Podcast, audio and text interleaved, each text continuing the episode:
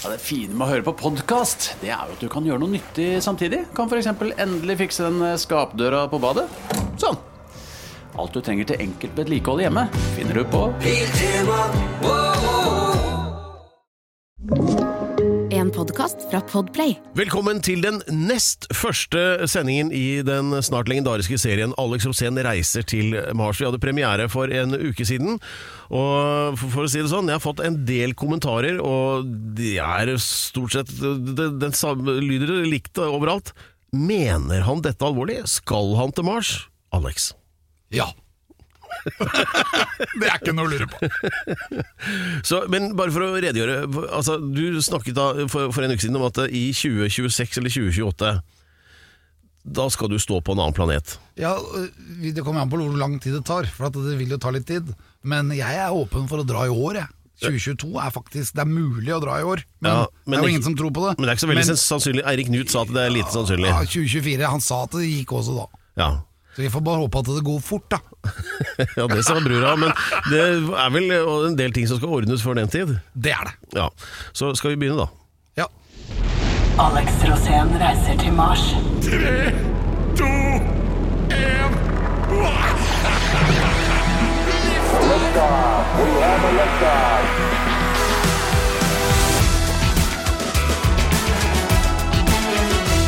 Dagens eh, høydepunkter som vil eh, komme som eh, perler for skien utover den nærmeste lille timen. Altså, Vi skal komme til bunns i hva er greia med Finnmark om dagen.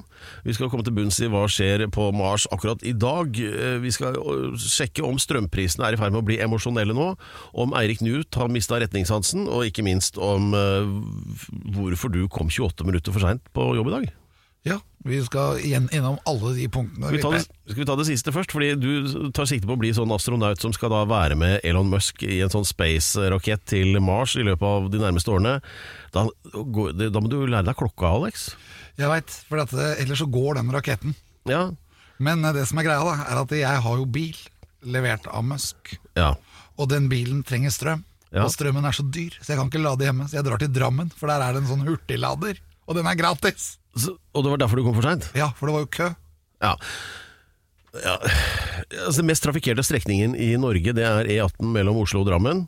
Og der har du da kjørt dobbel strekning fram og tilbake for å øh, lade gratis i Drammen, som er feil retning. Ja, når trafikken stoppet helt, så blei det buss- og taxifylla. Ja. Det gikk bedre da, men det var kø i bussen og taxifila, altså. Ja, Alex er også sånn som han tar veitrafikkloven som en sånn vennlig et, et forslag til hvordan du kan kjøre. Et vennlig forslag fra staten. Men jeg har jo ikke tid, jeg skulle jo være her. Ja. Jeg beklager for at jeg har tenkt å forbedre meg. Jeg har tenkt å slutte å stjele av andres tid. Ja, det er, det er varmende, fordi eh, selv Altså, jeg tror at jeg har en to-tre år til gode hvis jeg skal trekke fra den tida jeg sitter og venter på deg. Det er mer en sånn blå strek på datamaskinen. Jeg veit, og det er å ikke vise folk respekt. Ja, det har du rett i. Du du har, har du vært på sånn selvforbedringskurs? Ja. Jeg må innrømme at jeg kan ta feil. Her lukter det sånn der Bertrands metode eller noe sånt. Ja. det er det det gjør. Eller, det er et dame, tenker jeg. Jeg må bare lære meg å være ydmyk. Nei, det er kona di som har sagt det her. Ja, hun også. Det kommer ikke fra deg det her, Alex? Gjør det det? Jo, det kommer fra manageren min. Det kommer fra alle jeg kjenner. Ja, det, det er jo for så vidt eh, Ja, men vet du hva, jeg skal ikke det ødelegge øyeblikkene, at det eneste jeg vet, er at jeg ikke vet. Jeg skal minne deg på dette neste gang jeg sitter og, og banner deg opp og ned. Og Hører hvilken forklaring du har da. Eh, men eh, altså, hvordan har du har fått tilbakemeldinger, går jeg ut fra, fra folk da som har eh, Etter at det ble lansert dette med at du skal til Mars. Noe du mener helt oppriktig.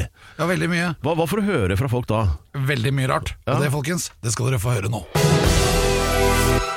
Det er veldig mange som mener mye om eh, dette prosjektet ditt med å reise til Mars, Alex. Og jeg merker jo at eh, fra de jeg snakker med, det er, de, det er mange som sier at han mener vel ikke det helt alvorlig. Men så sier jo til, de at det, ja, men eh, det var jo også sånn for en del år siden så kom Alex og sa at nå skal han sette verdensrekord i å seile nærmest Nordpolen, sånn à la sånn Nansen og Amundsen. Og, og da sa jo folk det samme. Det, ja, det kommer han ikke til å gjøre. dummeste, Men du gjorde jo faktisk det òg. Ja. Ja. Så det jeg sier, det gjør jeg. Jeg er en doer og ingen talker. Nettopp. Jeg er litt talker òg, da. Ja, det er en sånn kombinasjon, ja. Men, eh, ja, men jeg har litt lyst til å bare få det helt på plass, at du virkelig Altså, La oss si da at uh, du hadde fått uh, et, helt konkret tilbud. Vi får tak i Elon Musk, vi får knyttet vennskapsbånd med han, du får en plass i raketten, og alt er liksom avtalt og greit, og du får en dato. At uh, liksom eh, en, en eller annen dag i mars 2026, da må du møte opp med tannbørste og, ikke sant, og være klar. Og da kommer du til å være borte i tre år fra familie, venner og alt sammen. Hvor lang betenkningstid trenger du da for å si ja eller nei? Ett sekund. Ja. Ja. Jeg er helt klar, men det som er helt utrolig, er at jeg har fått veldig mye respons siden uh, vårt eh, premiereprogram. Ja. Og jeg har fått en som var sånn Du ljuger! Ja, For du skal ikke til Mars! Så, og så får jeg sånn Og det er for deg samme, samme folka hver gang. Hver gang jeg sier noe, så får jeg sånne hatbrev. Og de er jo egentlig kompiser, men de blir forbanna, for de mener at jeg ljuger! Ja, for Det er jo et ganske voldsomt prosjekt. For at andre som komikere har sånn eh, Altså, eh, Morten Ramm, har en hel sånn sesong med et 'Klarer jeg å fylle publikum i Spektrum?' Andre har sånn 'Jeg skal gå ned ti kilo'. Mens ditt prosjekt er litt større, da. Du skal til Mars. ikke sant? Så det, så det er jo ikke så rart at de reagerer sånn, kanskje. Ja, nei, men er, jeg sier at det, det er mange håpløse folk der ute. og det er sant, Du har jo klimafornektere. Ja, Du har vaksinemotstandere. ja. Eh, Du har til og med I gamle dager så var det folk som trodde jorda var flat. Nei, det er ikke så rart, da. Du har en del skarpe kniver i skuffen, da, Ja. for å si det sånn. Og så har vi det som jeg kaller da, som er helt nytt, det er Mars-fornektere. Folk som ikke tror at jeg drar til Mars. Å ja, sånn ja. Ja. Det er mer sånn Alex-fornektere, det, da. Du kommer aldri til å dra til Mars, sier de. Ja. Så, men, eh, men hvordan eh, hva- vil du si til de nå, da? Jeg vil si det at, og se, eh, eller? Ta vaksinen. Våkne opp. Skjønn at jorda ikke er flat, den er rund. Og at vi kjører rakett til månen og skal ta bilde av jorda. Og så kommer jeg, det kommer jeg til å gjøre på veien. Ja. Da da skal jeg få det feteste bildet. Det blir jorda og månen i ett bilde. Ok. Skjønner du det blir kult, eller? Da er du langt ute, altså. Ja, Hva skal du ha med deg selv i dette? For du har alltid med en Jeg egen har, kroppsdel i Ja, ja. Ta med, tar med Snapchat, da, så jeg får sånn kult fjes. Sånn at du får med snappen i bildet? Ja Eller Snoppen, som vi sa. Ja. Nei, men jeg bare ser det, og så svarer jeg tilbake det at ja, du kan jo tro på hva du vil. Du kan tro at jorda er flat. Du kan tro på at det lønner seg ikke ta vaksinen. Eller du kan tro at ikke jeg kommer til Mars. Én ting er helt sikkert. Jeg skal til Mars, Per. Ja, det er altså sånn at eh, Alex Rosén han lever i tiden og forventer elektrisitet. Og eh, det er jo 28 minutter som var dagens tall på forse- forsenkomming pga. lading av bil i Drammen. Og eh, bare for å ta det litt bort fra Mars et øyeblikk her.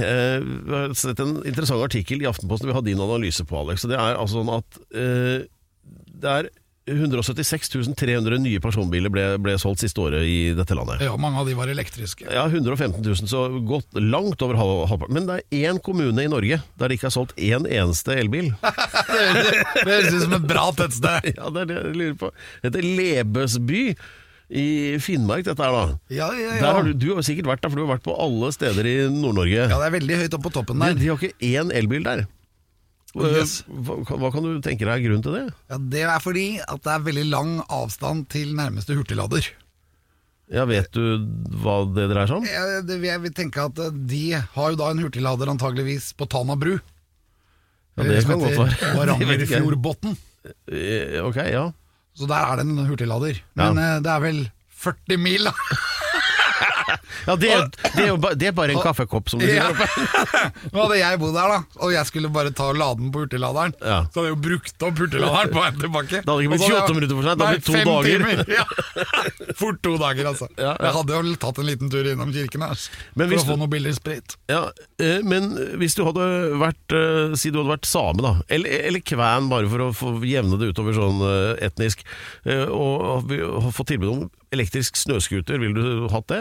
Ja, det ville jeg hatt. Ja, men tenk deg å gå tom da, oppå vidda der og Men du går jo aldri tom. Du, du har jo en måler ikke som forteller deg når du går tom. Så Ja, når men du det- står igjen eh, ti mil, da må du komme deg hjem. Ja, men bare når altså bare det er litt kjølig, så går den dobbelt så fort nedover, den der, eh, den der elmåleren på bilen. Ja, det, igjen så må du øve deg, ikke sant. Det dreier seg om å øve seg. Det er jo, hvor ofte går du tom med bensin, liksom? Ja, det, nå skjønner jeg Du, du det her må funker. øve deg, du må skjønne når går du tomt. Ja, men det her er interessant, for at altså, jeg har hele tiden sånn rekkeviddeangst. Jeg stirrer kun på den derre range. Hvor mange kilometer har jeg igjen nå? Ja, da må du egentlig følge med på trafikken! Og den ljuger. Ja, det er, det, da, det er da jeg begynner å vingle over den hvite stripa og sånn.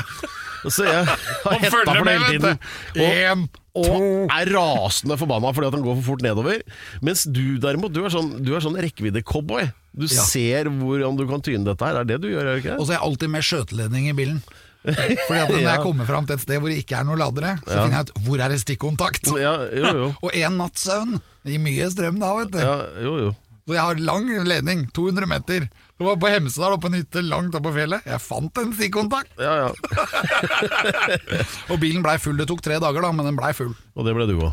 Ja, Men det var bare på den ene dagen, da. men Levesby ligger jo helt klart an til å bli ukas tettsted. Ja. For at jeg, nå er vi klar over det. At de ikke har en eneste elbil. Ja, ja, vil du, har du noe annet du vil si om Lebesby? Jeg vil gjerne si at det er en fantastisk del av den norske kysten. Jeg vil råde alle til å reise dit. De kan ta ferge og komme seg, altså Hurtigruta, da, hvis Ja. de klarer å komme seg til eh, Mehamn eller noe sånt. Og så kan de kjøre over til Honningsvåg. Det er en hurtiglader der òg. Hva skjer på Mars i dag? En ting som i hvert fall skjer eh, på Mars, det er at det er en eller annen slags form for vær. Og du, Alex, som er eh, sånn meteorologentusiast, eh, kan du redegjøre for hvordan været er på Mars? Er det mulig å finne ut? Det er jo alt mulig type vær på Mars. Ja. Mars er jo en planet. Det er samme som å spørre Ja, det er jo været på jorden. Det er jo ikke Hvordan vær er det? Ja, det er jo men ikke alle typer, det er jo ikke, sludd, eksempel. Jo, jo. Det er sludd. Er det? Ja, ja. Det er alle typer vær på Mars. Men sludden fremstår litt annerledes enn den gjør på jorden. Men hvis du, du hadde stilt meg spørsmål Hvis vi hadde sittet på Mars nå, da, så hadde du spurt meg eh, Ja, Alex, åssen vær er det på jorden i dag? Ja. Da kan jeg fortelle at det er alt type vær. Da liksom. Ja, jo da. Så du må, du må være konkret. Du må si hvordan vær er det på, på toppen av Olympus Mons. Da snakker vi om et sted som er på si 300 kvadratmeter. da Kanskje litt mer, fordi Olympus Mons strekker seg litt ut på toppen også. Litt som noen av disse fjellene også gjør i Everest-regionen. Men det som er veldig viktig er å huske at det er ikke ett generelt vær på Mars, for Mars er en planet. Den okay, er men dritsvær. la oss ta noen Men jeg si- lokale- ja, noen lokale. Eksempel i de dypeste dalene, Mm. så er det litt tåke. Ja. Og, og jeg vet at det er helt klart, eksempel, der hvor disse her bilene står, der hvor de hadde kamera, da var det helt klart i går. ja. Helt klart vær. Altså det var, det var klokkeklart. Du kunne se liksom fjellene rundt, du kunne se stenene. Det var, det var nydelig vær, da. Men når det blir eh, storm, for det er det også på Mars, plutselig så blåser det opp, og så er det masse stein som flyr rundt. For det, det blir noen stormer som er helt insane. Og den ene roveren som står der oppe, som ordner og styrer, den har jo problemer med uvær hele tida. Fordi for det, bare, det er jo- blåser så mye. Og så har den, tar jo også bilder. Og plutselig så ser du at det, når det blåser storm på Mars, så er, det ikke, så er det jo ikke Selv om sola står og lyser, så blir det helt mørkt. Helt mørkt. Ja. Og den her går jo på solcellepaneler. Og da må de skru av alle motorene på den roveren. For da må de vente til at den får kontakt med sola igjen. Og den er, står på dagsida av Mars, Ja. men det er bare det at det blåser en storm som gjør at det blir helt mørkt. Og det kommer at det er veldig mye sand der. Så det er jo sånne sandstormer som du har i Sahara, at det blir tett i tett med sand, og så er det under masse sand over deg, så kommer ikke sollyset igjennom. Så det kan skje på Mars. Ja, men det, der det med været er jo ganske viktig. For at det er jo også sånn at Hvis man skal opp der og kolonialisere, og vi skal gå inn på mer sånn generell imperialisme og kolonialisering snart, men, men først altså Du skal bestemme hvor skal du opp, opprette nye kolonier på Mars, da, ditt sånn lokale Gryllefjord. Ikke sant? Du skal, og da, Ja, det er da, da må vi huske på de tre b-ene innenfor real estate. Det er beliggenhet, beliggenhet og beliggenhet. Helt riktig. Helt riktig. Det er så våkent Og da er, observert da er det lurt å ta det et sted som tilsvarer liksom California. Hva er det som er Ja. Mars sitt California? Hvor er det som er deilig klima hele året? Dette spørsmålet har jeg drømt om å få. Da fikk du det nå. Ja, fordi det som kommer til å skje på Mars når Mars blir levelig, det er at det kommer til å piple ut et hav.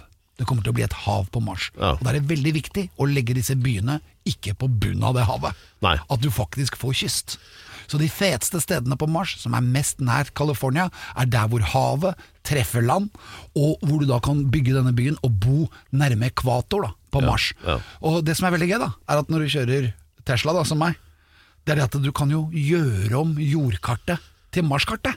Og så kan vi se hvor er vi på Mars hvis vi hadde kjørt bil på Mars nå, i forhold til hvor vi er på jorda. Ja, det er Du vil jo gjerne ha da et sånt hus i vannkanten der et eller annet sted. Hvor, hvor, så er spørsmålet da, hvor lang tid vil det ta før det blir byggeforbud i strandsonen? Jeg tror det tar ganske lang tid. For Vi må i hvert fall ha opp noen folk. Og jeg vil jo si det at uh, vi skal jo først og fremst få opp én million mennesker. Det skal gå tre raketter daglig til Mars når vi befolker det. Og da, Da vil, altså En million mennesker vil jo kunne bygge i alle strandsoner som fins, for at du vil jo gjerne ha noen kaier, og du vil gjerne ha noen steder å komme i land med båten din. Ja. Og da tror jeg at det tar lang tid, altså langt forbi min levealder, før det blir eh, forbudt å bygge strandsonen på Mars. Ja, ja, ja. Men det er jo også øh, Ja, så er jo Jeg tror ikke vann. du har det problemet ennå, Per. Nei, jeg, det, er, det er andre ting jeg liksom har over det på to do-lista. Men øh, hvis det skal for lages da, et kraftverk for å lage strøm, da for strøm trenger man jo, så er jo likevel ikke vannkraft det første du satser på, kanskje. Nei, og Mars uh, har jo det samme som oss. De har sol. Ja. Og ikke vindkraft heller. For eksempel, jeg var jo oppe på Vestlandet, og der hadde de bygd vindmøller over på alle øyene. Ja. Og ingen av dem gikk rundt. Da tenkte jeg, det var dumt. ja, du er ikke noe sånn vindkrafttilhenger, men, men øh, hva med Er det ikke, sånn, er ikke alt radioaktivt der, da? Så er jo egentlig bare altså, Hele planeten er jo et øh, sånn kjernekraftverk, er det ikke det? Nei, det er nok noe radioaktivt der. Sikkert noe uran, og vi regner jo med at det er veldig mange forskjellige typer steintyper på Mars. Ja. Men noen generell radioaktivitet på overflaten er ikke målt. Nei. Men det er, det er litt, dårlig, Uh, litt dårlig atmosfære. Av det at eh, Mars ikke har flytende kjerne. Så de, de har ikke magnetisk skjold på samme måten som vi har på jorda. Eh, eh, og det fører til at eh, sola gir litt radioaktivt nedfall. Da. Ja, nettopp. Ja, ellers så er det jo som Eirik Knut uh, har fortalt, at uh, egentlig så kan man lage en, et kjernekraftverk som får plass i en koffert. Så du har ditt eget Uh, Det, det synes jeg var veldig fascinerende. Det hadde ikke vært dumt på hytta, for å si det sånn. Ja, han skal bidra med ting her litt senere i denne podkasten også, blant annet hvordan man finner veien til Mars. Da ville jeg fulgt med hvis jeg var deg. Jeg skal ikke dit, så jeg gidder ikke, men det kommer i hvert fall litt senere i denne podkasten.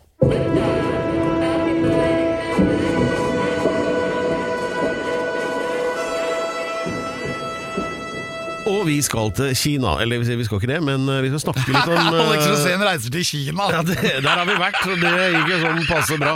Ja, det, det var helt på kanten. Ja, Vi skal ikke rippe opp i det nå, herregud, det orker jeg ikke å tenke på engang. Men eh, eh, det er jo sånn, det er jo et lite kappløp på gang nå. ikke sant? At eh, Kina har jo nå eh, en eh, sånn der satellitt, den heter altså Tianwen 1.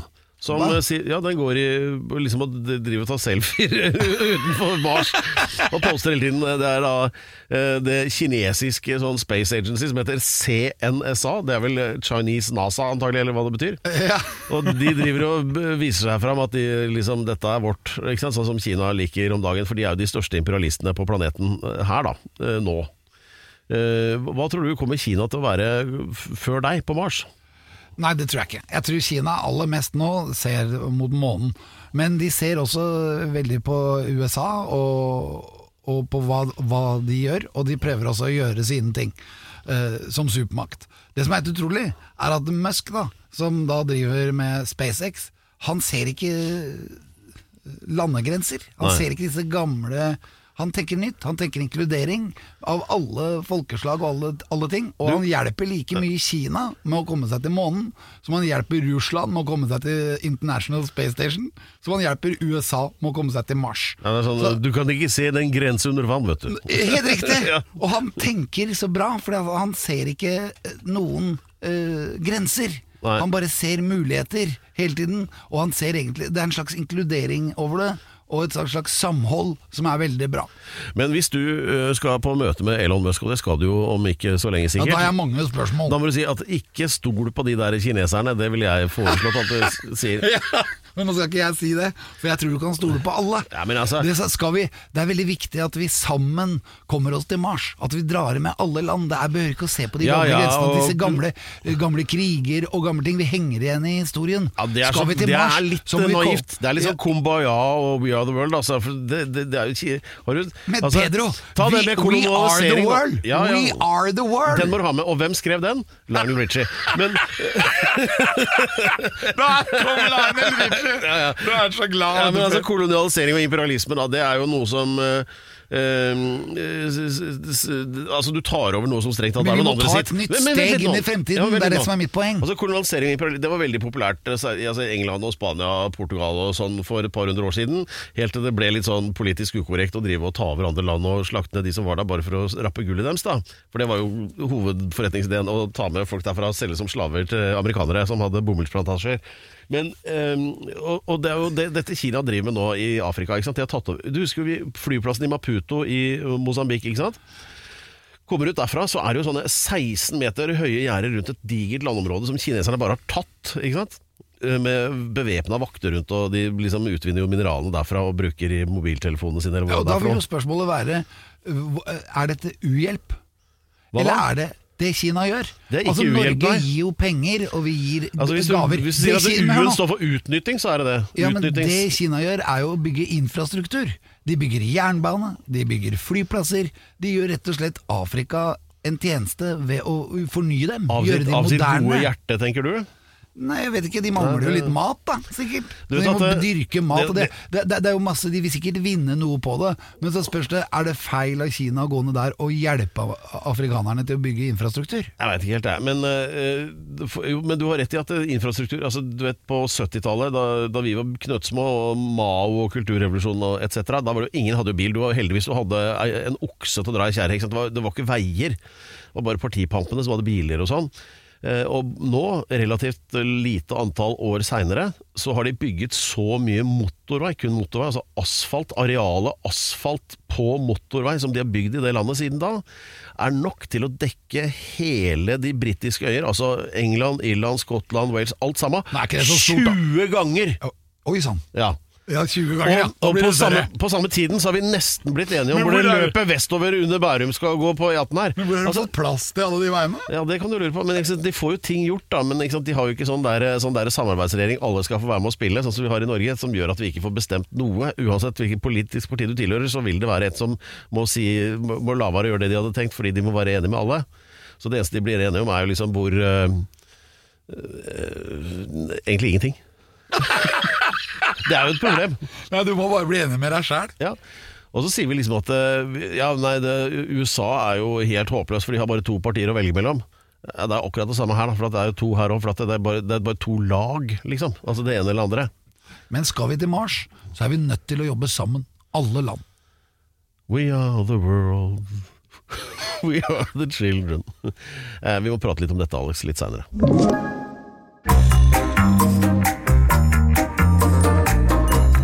Ukens Tettsted.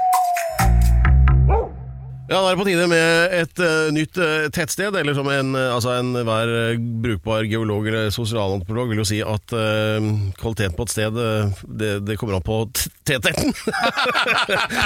eller populus densitas, som grekerne ville sagt. Altså hvor tett er det egentlig? Hvor, ja, for det, det, det er jo en grunn til at det ikke bare heter sted, Ja. men tettsted. Og det er jo fordi at Ja. det er rett og slett tett. På samme måte som saltstenger heter saltstenger, ikke bare stenger, for det sier jo ingenting. Men, eh, men altså, poenget er at eh, du undersøker da og eh, altså honorerer da, norske steder, tettsteder, ut ifra hvilke bør eh, gjenskapes på Mars når du kommer dit. Altså, Hvor stor sannsynlighet er det for at vi får et slikt tettsted på Mars? Ja, ja. Og da må det være sånn akkurat passe tett, og det er jo ideen din. Og du kårer derfor, og er jo oppriktig glad i en hel rekke tettsteder og vet mye om eh, de norske tettstedene. Ja, for Jeg har jo reist land og strand rundt, jeg har jo turnert dette landet her i 30 år. Ja, for du kommer ikke til å komme opp med tettsted fra f.eks. Sverige eller Belgia. Nei, men det er jo nei, men Sverige Sverige har masse tettsteder, ja, men de har, det er på en måte litt utvanna i Sverige, for folk har flytta til byer. Ja, ja. Så de har ikke den derre de har ikke den 'her skal jeg bo', liksom. Nei. Den har de ikke i Sverige. Nei. Ikke på samme måte. Og i Belgia der er det jo mer det at ting som foregår i kjeller og sånt, og det kan ikke nevnes. Så det blir norske tettsteder, ja. Ja. ja, ja. Det blir det. Og i denne uken her så har det vært veldig mange forskjellige tettsteder. da Vi har jo vært i Østfold, eh, Ja. Trøndelag. Eh, vi, du har jo akkurat nevnt i, før i podkasten om Lebesby. Det Ja. lå jo veldig høyt an en stund. Det var helt øverst, eh, det lengst nord i Norge. Jeg heter vi fant ut at de ikke hadde en eneste elbil. Ja. Og da, Da- det, da da falt det de på den, ja, ja, ja. Men vi er, vi er åpne, altså, vi er jo inkluderende. Det er jo veldig viktig for meg å være inkluderende. Ja. Så Lebesby ligger helt klart an til å kunne komme opp seinere. Jeg vil gjerne ha litt kontakt med Lebesby. At de Ja. folka som bor der kan si at det, Ok, vi har ikke elbil, men vi har ja, Kanskje de har noe annet bærekraftig, da. Ja, ok, Så hvis noen eh, vet noe som helst om Lebesby, eller noen som er derfra, så har vi altså en Facebook-side og Instagram var det, ja, som, eh, Instagram. til showet her, som heter Alex. Det er, som telefonkiosk. Facebook er lagt vekk, Ja. Instagram er inn. Ring internett og spør, og det, eller hva heter showet? Eh, Alex Rosén reiser til Mars. Du måtte se bort på logoen på Ja, for, for å lese riktig. Ja, det finner du på Instagram. Men, der, eh, ja, men vi skal ha tips om Lebesby, på- var greia Ja, vi er fortsatt på tettsteder. Ja, ja, Eh, og andre steder som har kom veldig høyt opp denne gangen, det er uh, fra Andøya, Stave. Det, Ja. var, det er et veldig flott sted. Veldig fint å se fra det fjellet som ligger ved siden av. Ja. Du ser det lille tettstedet som nesten ikke er tett i det hele tatt, for det, det er ganske utbredt. Ja. Uh, og så uh, i Trøgstad så ligger det et bitte lite sted som heter Slitu, som er på en måte litt off. Og det var veldig Broadway. koselig navn, da. Ja, veldig koselig navn, og de har fått seg en McDonald's. Jeg har sett det på Og det altså Slitu lå veldig godt an. Ja, Er ikke fullt så slitu lenger, da. At eh, Elias mener eh, Ja, nei, øh, og Nakkerud Ja, Nakkerud, hvor er det? eh, rett ved hoppbakken. Viken? Den der skiflyvningsbakken. Vikersund? Vikersund, ja. Ja. Rett nord av altså, Hvis du så den første Olsenbanen-filmen, så Ja. var den stasjonen var rett ved Nakkerød. Ja, ok, så Det er i nærheten av Åmot. Det er- i Modum antagelig. Ja, men- og, der, og hva hadde de i Modum på 80-tallet? De hadde en nattklubb hvor det var garantert juling hvis du ikke var derfra. Kom dit på kvelden, og det het Galaxy. Det sånn Men eh, en av eh, eh, Jeg hører jo ikke alt du sier, egentlig. Men en ting som er, er veldig viktig nå, det er ukens tettsted. Og ukens tettsted er egentlig litt inkorporert. Innenfor- Fordi, ja, for at jeg som var turist der da, for lenge siden, Ja. fant ut at det egentlig burde jo det vært en del av en by. ja. Men det er ikke det. For det er en øy. Og den ligger rett utafor. Men hvis jeg skulle flytte dit, som jeg hadde helt klart tenkt til å gjøre Jeg ville jo flytte til Stavanger. ja. Og, og, og, og jeg ville flytte dit, for jeg ville bli øh, Stavanger-gutt. Stavanger er jo konk, du vet det. Nei, nei, nei. Det er ingenting som er konk. Nei, ok. Eh, Tettsteder går aldri konk. Nå er ikke Stavanger noe tettsted, så Stavanger ville aldri kommet opp. Men det der hvor jeg ville flytte, Ja. over ved Gressøya, eller Gressholmen, da. Det den brua ved Stavanger går over.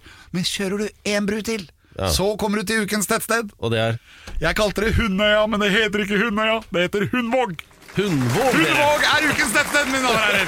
Gratulerer! Vi sender diplom og roser i posten til Hundvåg. Hundvåg. The Dog Wave. The Dog Wave. Hva, ok, hva er det å si om Hundvåg, annet enn at dialekten mest sannsynlig er jævlig som all annen rogalandsdialekt?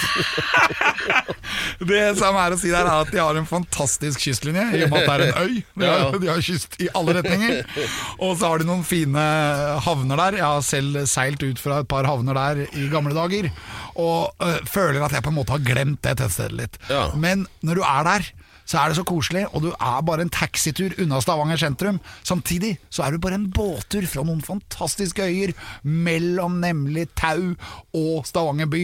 Nå går det tunnel der. I gamle dager gikk det ferge, men nå, du kan jo bare ta din egen båt. Altså, jeg ser på det fliret ditt og at det dogger litt på brillene, at du har opplevd noe der som ø, omfatter både det Ja, ikke sant? Både, både hunder og våger. Ja, for det er jo sånn at ø, Alex, vet du, uansett hvor han reiser hen i, i dette landet, så legger han igjen litt av seg selv. Og vanligvis er det innholdet av testiklene. Så Jeg sier som Iggy Pop, I wanna be your dog. Hundvåg, altså. Ja, det er veldig bra. Nei, for det men det med den dialekten er jo ikke tull heller. Vi hadde jo en vitenskapelig undersøkelse i et TV-program vi var med å lage for en del år siden som het Typisk norsk. Da var det norske dialekter og sånn blant annet. Da. Og da skulle vi teste hvilken dialekt funka best i motvind, med sånne der desibelmålere og greier. Og den som røyk ut først, da vi var inne på Bislett stadion, tror jeg det var, eller i hvert fall sånn sånn metermarkeringer, da. Den, den som forsvant først i motvind, det var Toten. For det er bare sånn og røten, bøten, døten, mate, og røten? Det var bare drukna helt med en gang. Så det var bare hyggelig å høre på. Men det var, uansett hvor langt unna du kom, så hørte du hele tiden det derre Det er laget på motvind, ikke sant? Så det er bra i in space, Det er antagelig. så koselig å kunne fortelle det norske folk at Hundvåg ligger helt klart an til å få sin plass på Mars. Tett, tett, tett, tett. Ja, verdensrommet, det, det er jo, der er det mer enn de fleste andre steder, som vi vet. Og om en kort stund så kommer også det til å omfatte deg, da, Alex, for du skal jo til Mars, har vi slått fast. Vi har besøk av astrofysiker Eirik Knut, som har sagt at det er jo svært sannsynlig at du kommer til å være med på en blant de første rakettene der i 2026 kanskje allerede. Hvis vi får deg inn på den gigen som å være klovn, eller altså festsjef, eller for noen må sørge for at det skal være moro.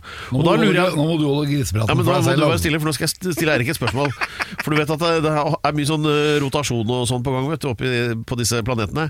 Og hvis du skal ha med dine vinylsingler, som da er nødt til å holde 45 runder per eh, RPM, ikke sant? vil det bli et problem på Mars med rotasjonen på vinylplatene? Å ja! Nei, altså selve Faktisk vil det ikke bli et særlig problem med selve rotasjonen, men derimot, for at vi snakker jo vinyl ikke sant, med diamantstift. ikke sant? Ja, ja. så Den må jo presse ned på plata. På Mars er det en tredels G, så det vil si at du presser ned med bare en tredel så sterkt trykk. Og det vil jeg tippe går utover lydkvaliteten. Ok, så så- du blir lettere på Mars. Ja, det gjør du. Det er, ja, det er ikke det bra? By the way. Det er så deilig. Det er veldig nyttig da, å ha med ekstra lodd til stiften på Ja, altså, det er akkurat ikke sant? Jeg tenker at noe av, det, noe av det første, så Selve rotasjonsdelen er grei, mens altså alt som innebærer, alt som er avhengig av tyngdekraften og det har man, man, Vi har aldri tenkt på det, altså, vi, vi har også vokst opp med det. Jeg har liksom aldri tenkt på at jo, selvfølgelig den er nesten perfekt balansert. Men ja, på månen og Mars så vil det være vil, vil jo ikke det funke på samme måte. Så hvis du vil ha den samme lydkvaliteten, så kan man jo spørre seg f.eks. om det ville høres likt ut. For det, kommer- det kommer an på hvor høyt lufttrykk man har på Mars-basen. Ja. Eh, hvis man går for fullt jordtrykk, altså én atmosfære, så vil det være greit. Hvis man går for um, sånn type en tredjedels bare oksygen, men det tror jeg ikke man gjør, for det blir så lett branner av det. Sånn, apropos Apollo 1 og sånn. Men eh, hvis man gjorde det, så ville man kanskje få en annen lydkvalitet. Men ja. Dette er viktig for at du undersøker, Alex. Eh, men eh, når, når de da skal av gårde, er det vanskelig å finne veien til Mars? Så egentlig så er det ikke det. Det er en av de tingene som altså, Både det å fly til månen og fly til Mars er egentlig ganske enkelt, og det ser vi jo fordi at Altså, holdt på å si, Sovjeterne klarte å lande på månen liksom i 1961. Det er sovjeterne, ikke sant? Altså, som brukte veldig mye sånn sveiseflam og store slegger på sine romskip. Så det var, altså, de var imponerende, det er ikke det, men det var ganske primitiv teknologi sammenlignet med det vi har i dag, og de klarte det. Ja. Så vi har klart disse tingene helt siden 1960-tallet. Så å finne fram og lande er, er ikke, det er ikke det vanskeligste. Nei, for det er jo navigering som er digg. Jeg tenkte bare at du navigerer jo etter stjernene og bor i seilbåt, vet du. Ja, jeg, jeg, jeg, skjønner hvor veien til Mars er. Ja. Veien til Mars er der! Ja, nå peker han rett opp. Men, men altså der, der er du inne på noe. Det er en ting. Altså, en av de tingene som f.eks. Apollo-astronautene måtte lære de, de, Selvfølgelig de fikk et datastyrt navigasjonssystem, og de har sånn gyroskopsystem, sånn at de veit liksom hvilken retning romskipet peker. Men hvis det skulle svikte, så må faktisk backup-løsningen det er å bruke sekstant. Det er faktisk å måle stjernevinkler. Og så regne ut, og, og I gamle dager så regnet ut manuelt. I dag vil man jo ha en, en separat datamaskin å gjøre det på. Men, men poenget er at eh, ja, de lærte seg faktisk også navigasjon på gammelmåten, altså på båt. Bortsett fra at selvfølgelig i rommet så er det ikke et det er ikke to dimensjoner, ikke sant? Det er tre. Du, du skal tenke at du, skal, du skal, kan gå i alle retninger, ikke sant? Ikke bare sånn For du har rett og slett ikke jorden under deg. Du har ikke jorden under deg lenger, ikke sant? Så, du, så i praksis er det en tredje, tredje, men det er tredimensjonal skipsnavigasjon med noen ganske kompliserte matematiske formler som igjen en fyr som Buss Aldrin faktisk hadde i huet. Dette var noe han kunne gjøre for hånd hvis det ble krise. Det var, det var en av grunnene til at Buss var med på ferden. for han han er en litt sånn vanskelig personlighet, for å si det sånn. Men han, han var den beste på det. I, Ja. i, i, I 1969 så er det ingen tvil. Han var den beste, en av de beste på kloden på akkurat disse tingene. Navigering. På navigering og på, og på å få uh, to romskip til å dokke i rommet. Det var, Han hadde tatt doktorgraden på det. Jeg tror han var den første som tok doktorgraden på det. Så igjen, disse folka som dro av gårde i gamle dager, det var eh, Altså, det er ikke tull. Det er, det- Neil og Buss er, liksom, det er litt sånn derre Marvel-helt-nivå, altså. De er, Ja, ja. Det er sånn, og det er jo, altså igjen, det, det er jo ikke de fleste av oss. Nei, men altså Men vi kan bli det. Ja, altså vi kan bli det. Altså Igjen så er det dette med altså, at det, er, uh, det, er, uh, det er, blir mer rom for vanlige folk etter hvert. Jeg liker det. Ja, fordi Elon han har jo montert autopilot på veldig mye av disse rakettene. Han har det, og det var faktisk en ting som kosta litt å gjøre i USA. for Helt fra begynnelsen av 60-tallet så insisterte amerikanske astronauter på at de ville ha, de ville ha kontroll, fordi igjen de var, var testpiloter. Sovjeterne var mye tydeligere på altså Yuri Gagarin han ble styrt med automatikk. For de mente at han ikke, de var redde for at han ikke ville tåle det. Han var jo den første. Og Man lurte jo på om han kanskje ville svime av i vektløshet, for ingen hadde prøvd det før. Eh, og, og, og, og så holdt jo amerikanerne på det veldig lenge, og opp til inklusive romferja, den, den var jo manuelt styrt, så hvis f.eks. Uh, piloten var blitt slått ut på romferja, så hadde ikke den kunnet lande seg selv. Det, var jo, det kunne ført til katastrofe. Eh, sovjeterne har hele tiden holdt på automatisering, og nå har jo amerikanerne faktisk gått etter sovjeterne. Ja. Så det jeg pleier å si, er at det vi gjør i, rundt jorda nå eh, Romstasjonen er egentlig bare Mir 2. Det er basert på sovjetisk uh, teknologi, egentlig. Uh, og automatikken er som Det er som uh, Hei, jury! Det er sånn. Men ja. det, du, du kan helt fint fly til Mars helautomatisk. Det viser jo der, disse fantastiske robotene til NASA. De lander jo i praksis automatisk, ikke sant. De gjør det. Så det går. Og det er, dreier seg om trygghet. Det dreier seg om trygghet fordi at reaksjonstidene er så innmari korte. Du kommer inn i, i, volds? Du kommer inn i voldsomme hastigheter. Du kommer inn i, i tusenvis av kilometer i timen, og det er ikke noe et menneske kan respondere på. Og hvis noe går galt med systemet, hvis du f.eks. er rett over, så er det millisekunder. Når det gjelder raketter, så er det millisekunder, for da tenner de, så sprenger de. Så Derfor så er alle sånne redningssystemer og automatiske altså landingssystemer altså det må være helautomatisk. Så Starship, når den gjør den flippen på slutten, som den stort sett ikke har klart, men som vi satser på at den får til etter hvert, så den, det, det kommer til å være helautomatisk. Unnskyld at jeg spør, men Starship skjønner jeg var en av Elon Musk sine greier. Ja. Så, øh, Det er den vi skal reise til Mars i. Og det er det, den heter det. Den heter det, og, og han, her har, altså, han har gjort mange briljante ting med det. For det første så blir det det helt gjenbrukbare eh, romskipet. Første helt gjenbrukbare. Romferja var bare delvis gjenbrukbart. Den kasta jo bort masse deler og måtte, dessuten måtte demonteres etter hver tur. Starship skal være som en jumbojet. Den skal kunne liksom ta av, eh, gjøre noe i rommet, lande, fylles opp, ta av. Altså Den skal kunne fly opp tre-fire ganger om dagen. Her er jeg skeptisk igjen. Altså, ikke engang leiebilene Alex er ute med, er som regel gjenbrukbare. Men øh, Jeg er helt enig, men det sier Musk selv. Han sier at det er ikke sikkert vi får det til. Nei. Men for å kompensere for det, så skal han masseprodusere dem. Og derfor så har han jo ikke Altså det han gjør i Texas, er jo ikke bare å bygge et romskip. Mens Starship eh, 20, som den heter, den modellen som skal fly opp nå i januar og antagelig eksplodere, eh, den er jo nå ferdig bygd og er testa. Og den er klar. Nå venter de faktisk bare på miljøvernmyndighetenes Den er jo godkjenning. vakker. Og den er vakker! Det er jo sånn klassisk, det er som en sånn Tintin-rakett. Og så har den fått hangar fra Jabba the Hutt. Ja, Nydelig. Jabba the Hutt-hangaren, ikke sant? Men i den hangaren da, så bygger de jo faktisk Starship 21. Altså den, det neste er allerede nesten ferdig. Eh, planen er å bygge tusenvis av Starships. Eh, sender dem til Mars. Mange av dem skal aldri dra tilbake til jorda. Da skal de bruke metaller dem, De er bygd av stål. Og Det er innmari viktig, for at, altså, romskip har jo hittil vært bygd mye av sånn derre høygradig titan og, og sant, karbonfiber. Bygger du da av stål, så kan du faktisk sveise sammen en Mars-base med vanlig sveiseutstyr. Så det han sier at det er noe med det at du kan da faktisk lande dem, og da har du plutselig hundrevis av tonn med høygradig stål som du kan bruke til å bygge ting på Mars. Så han har tenkt, egentlig tenkt på nesten alt. da. ja, vi slår fast at det lar seg gjøre å komme seg dit. Og hva man kan gjøre der, det kommer vi tilbake til om øh, relativt kort tid. Det er altså sånn at Alex Rosén skal være i første rekke når Mars Mars? Mars skal Mars er kolonialiseres. og- Mars er en måned. Og da, bare for å få deg inn i det rette sånn imperialistiske tankesettet, så, så er det jo sånn at hvis man skal dra og kolonialisere noe, så må man ha med de rette tingene. Engelskmennene eksempel hadde jo alltid med seg eh, aftenantrekk, eh, blandevann og, og våpen og arroganse når de tok over et nytt land. Ja, ja. Og da, eh, det er mitt spørsmål til deg, når du skal til Mars, hva vil du ta med for å liksom gjøre det hyggelig? Golf. Det veit jeg at det er bare sprøyt, men eh, Nei, det er jo snakk om infrastruktur. Og infrastruktur er jo ting som vi kan gjøre oss nytte av. og hva da? som også vil- Asfalt og dampfarvals? Nei, men som vil lage bærekraft Ja. øh, på, på Mars. Jo, jo, men det... må, men nå må du høre nå. Du stilte et spørsmål, og nå skal du få et svar. Ja, For å gjøre det hyggelig, så, så ja, hyggelig. Det er veldig viktig å ha det hyggelig. Ja. Og jeg vil si at det første jeg ville ha tatt med meg på Mars, det er jo det museumet som ligger i St. Petersburg. Og Ah. derfor, for å få med det museumet, så er vi nødt til å inkludere Russland. Vi Ja, men Du kan ikke bare rappe det. Nei, det har jo noen prøvd på før, og det gikk veldig dårlig. Ja. Fordi Stalin flytta jo hele det museet til Moskva. Ja. Og det tar altså 70 år å gå gjennom det museet hvis du bruker to minutter på hver gjenstand. Si hvert kunstverk. Ja, da, hvis du døgnet rundt kan gå rundt og se på hver gjenstand i to minutter som er der Så hvor du mange bruker gjenstander er det? 70 år. Det er så mange, det er millioner av gjenstander. Dette her er hva Russland har klart å samle av kunst. Og husk at alle de tsarene som var het fra Peter den store til Katarina, Alexander den første, Alexander den annen, Nikolai Alle disse tsarene samla kunst. Alle var, hadde kunstdilla, og de kjøpte all kunsten.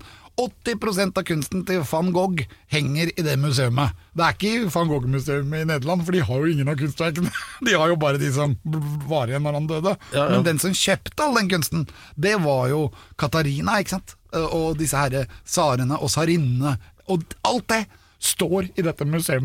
Som er det drøyeste museet i hele verden, og der har jeg vært. Og jeg er så hypp på at vi bare kunne en liten flik til å begynne med da, av det museet. Flytte det til Mars. Ja, for når du kommer til Mars, da, så veit du at nå, nå skal du faktisk gå i verdens feteste museum. Og så er det større enn Louvre og Det er større enn alle museumer til sammen. Guggenheim Alle og andre, ja. ja.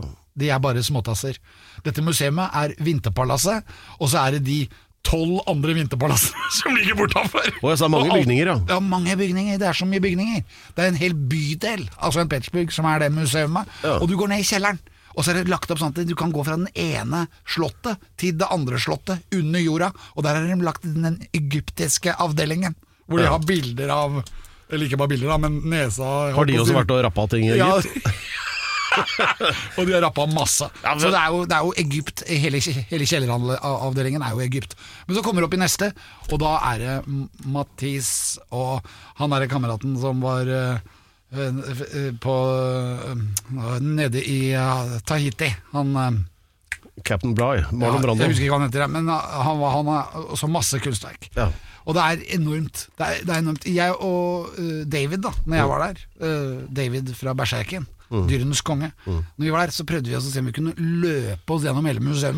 Og unngå liksom å se på bildene. Og bare se om vi klarte å løpe gjennom hele på én dag. Det klarte vi ikke. Nei, Vi måtte men, gi oss, vi måtte ha lunsj.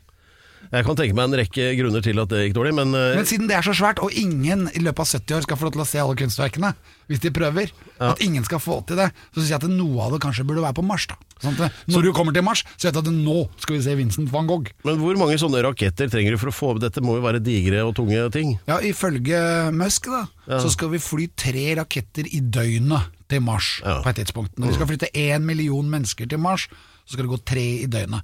Og det er et bilde hvor stor plass det er det, liksom. Du kan Ja, men- med du kan jo lime det opp på veggen. Men var det ikke du bare- millioner av bilder du snakka om her? Jo, men de, noen må jo være igjen i St. Petersburg, da. Ja. Si at du tar med 10 000 bilder, da. Over 30 raketter, for eksempel, da. Du må jo få med deg det. Og så kan du få opp et skikkelig museum. For det, det det dreier seg om på Mars, det Musk egentlig driver med, det er å bygge infrastruktur. Ja. Og infrastruktur, Det er derfor jeg nå har sluttet å være artist på Instagram. Nå er jeg entreprenør. For jeg skal være med og bygge Mars. Det syns jeg var veldig gøy. Ikke alle er like lure, vet du, Per. Vær så god. Det, Jeg syns jo f.eks. du, Per, er veldig lur. Men nå kan du fortelle litt om den nye Instagram-kontoen til Alex Rosén reiser til Mars. Eventuelt så kan du fortelle om den nye Instagram-kontoen til Alex Rosén reiser til Mars. Ja, Vi har fått en egen Instagram-konto hvor folk kan legge inn bilder, Ja. eller de kan like bilder, de kan dislike, de kan komme med spørsmål, fordi at alle har spørsmål om dette her. Ja. Folk tror jo at, det, at jeg ikke kommer til å reise til Mars. Og sånt sprøyt kan de komme og så kan de angripe meg. Og så skal jeg svare så godt jeg kan. Jeg vil jo gjerne inkludere folk, og jeg vil gjerne være oppklarende. Ja, du, du går jo rundt med sånn der, slepe med deg sånn kommentarfelt uansett hvor du er, så uh, i dette tilfellet så er det da snakk om å øh, Ja, hvordan finner man den Instagram? Man går på Instagram-kontoen sin, og så søker du og bruker Alex Rosén reiser til Mars. Ja. Og Alex Rosén reiser til Mars, det, blir, kan dere følge. Og der kommer vi til å legge ut uh, forskjellige ting og informasjon om Mars. Hvordan været er, hvilke museumer vi vil flytte dit, hvilke tettsteder vi vil flytte dit. Hva vi vil gjøre med Mars når vi nå skal bygge en helt ny infrastruktur Ja. i det jeg vil si en helt ny verden. Et overflødighetshorn av informasjon og ubegrunnede påstander. Ja, og vi er, Selv om du er vaksinemotstander eller Mars-motstander, Alex Rosén reiser til Mars-motstander Hva er å være Mars-motstander? Ja, det er de som tror at jeg ikke skal dra dit. Ja, det- det er faktisk folk som tror det. Ja. Og da tenker jeg sånn at da kan de være der, og så kan de være med og diskutere. Ja. Er det en mulighet for å bli med til Mars, da? Ja, det er det helt sikkert. Det skal vi se på når Ja. vi ser hvor mange som skal være med. Det vil jo være mer enn meg som i den raketten. For sånn. Så, øh, ja, du Og vi trenger kvinner der oppe også, for vi trenger Det kommer en tid da folk faktisk blir født på Mars. Jeg ville ikke sendt dattera mi til Mars sammen, men øh, en øh, Det er så Ja, trist, Per. Du vet jo det. Det skal skrive opp så jeg husker det. Nei, eh, men, eh, men, ja, right, men eh, hvor ofte legger du ut ny informasjon om Mars der? Vi kommer til å legge ut et bilde av deg hver dag. Ja, Det samme bildet. Nei, nei. Det skal være forskjellige bilder, for jeg tar jo bilde av deg hver dag, Per. Og så er det sånn at vi skal også ta bilder. Og så legger du på sånne kaninører som eh, med eller- hva som skjer her i dag. Og så kan litt informasjon. F.eks. om dette museet i St. Petersburg, som jeg syns at alle nordmenn bør dra til, for at det er høykultur. Altså, Ja, ja. Russland er absolutt veldig mye kultur, og dette her må vi kunne noe om. Og for å øh, lære seg mer om europeisk kunst og alt det som har skjedd i Europa opp gjennom de siste 500 000 årene, øh, kom dere inn på Alex Rosén reiser til Mars. Der vil det komme alt mulig. Alt det vi trenger på Mars for å bygge infrastruktur som gjør at du kan bo der, og at du kan få mat, Per. Ja, men jeg, har du ikke, Husker du ikke hva jeg sa til deg? Jeg skal ikke dit. Men du skal det. Jeg, Jeg skal ikke det. tror ikke noe på det. Det er sånn Jeg vil ikke ha noe mat. Du vil ha mat hver gang. Det er noe helt annet. Ja, nei, men det Sånn vil det bli med Mars også. Du vil være med dit når jeg drar dit. Og når du skjønner at skal du ha det kuleste party, skal du på den kuleste festen, skal du på den kuleste restauranten, så vil jo du det. Du vil jo være kul, Per. Ja, men det er, det er noe helt annet. Det du snakker om, er å dra til det mest ugjestmilde stedet i, som finnes. Altså, du kan jo like gjerne bare dra til Island og hive deg i en vulkan med akkurat samme resultat, og mye nærmere. Nei, fordi at det her sånn skal vi jo forandre. Det er derfor jeg snakker om infrastruktur. Og jeg kan ikke si det nok. Infrastruktur, infrastruktur, infrastruktur. Jeg syns det var nok, jeg. Ja, vi nærmer oss veis ende, men eh, jeg sitter og tenker da at eh, for å skape ordentlig ektefølt entusiasme for eh, f.eks. nordmenn da, overfor dette prosjektet ditt med å reise til Mars eh, Erfaringsmessig så er det sånn at for å få bevegelse i det norske folk, for å få de til å virke ønske noe, mobilisere og gjøre noe, da gjelder det å komme opp med et bra tilbud. Du må mener, du, du flytter jo halve befolkninga over til jævla Svinesund bare fordi kokt skinke koster 50 øre mindre der. Du må tjene penger på Du det! drar, til, ja, men du drar til Drammen for å lade gratis med bilen.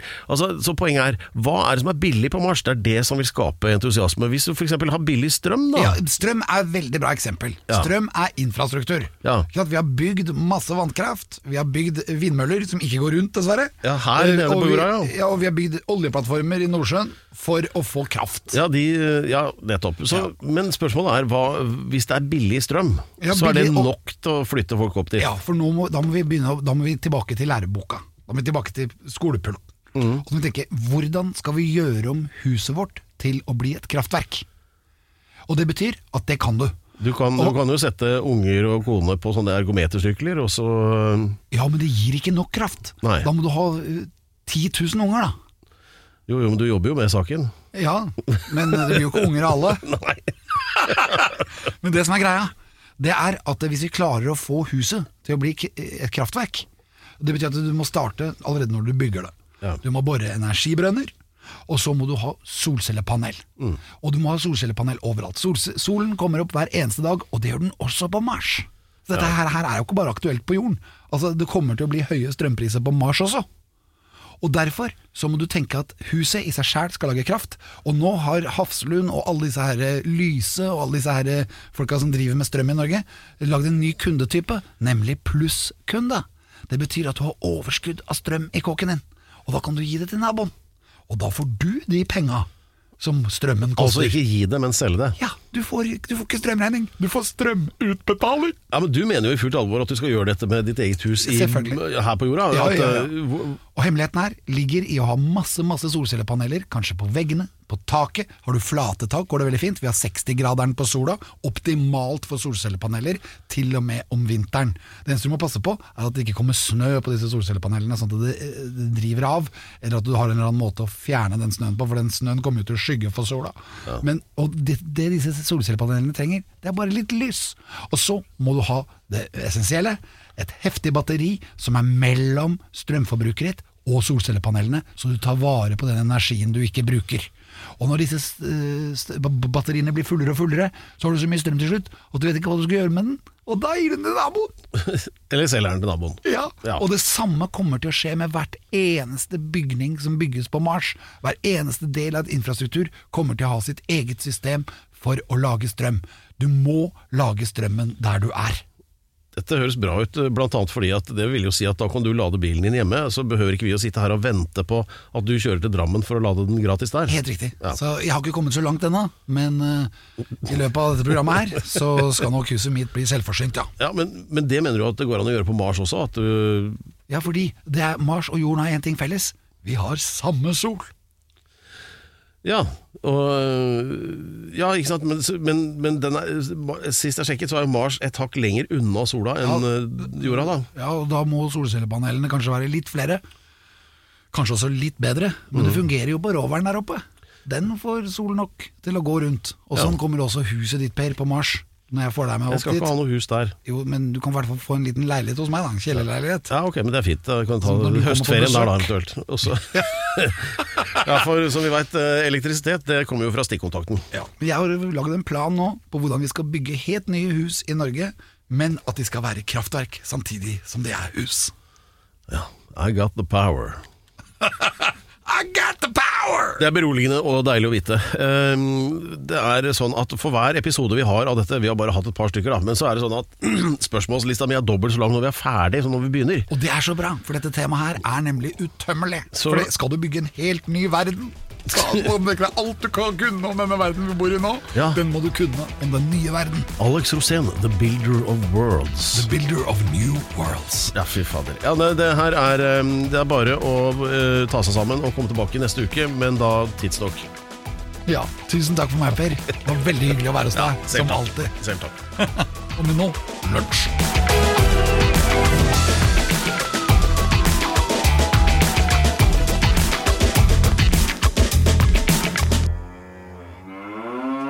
Du har hørt en podkast fra Podplay. En enklere måte å høre podkast på. Last ned appen Podplay, eller se podplay.no.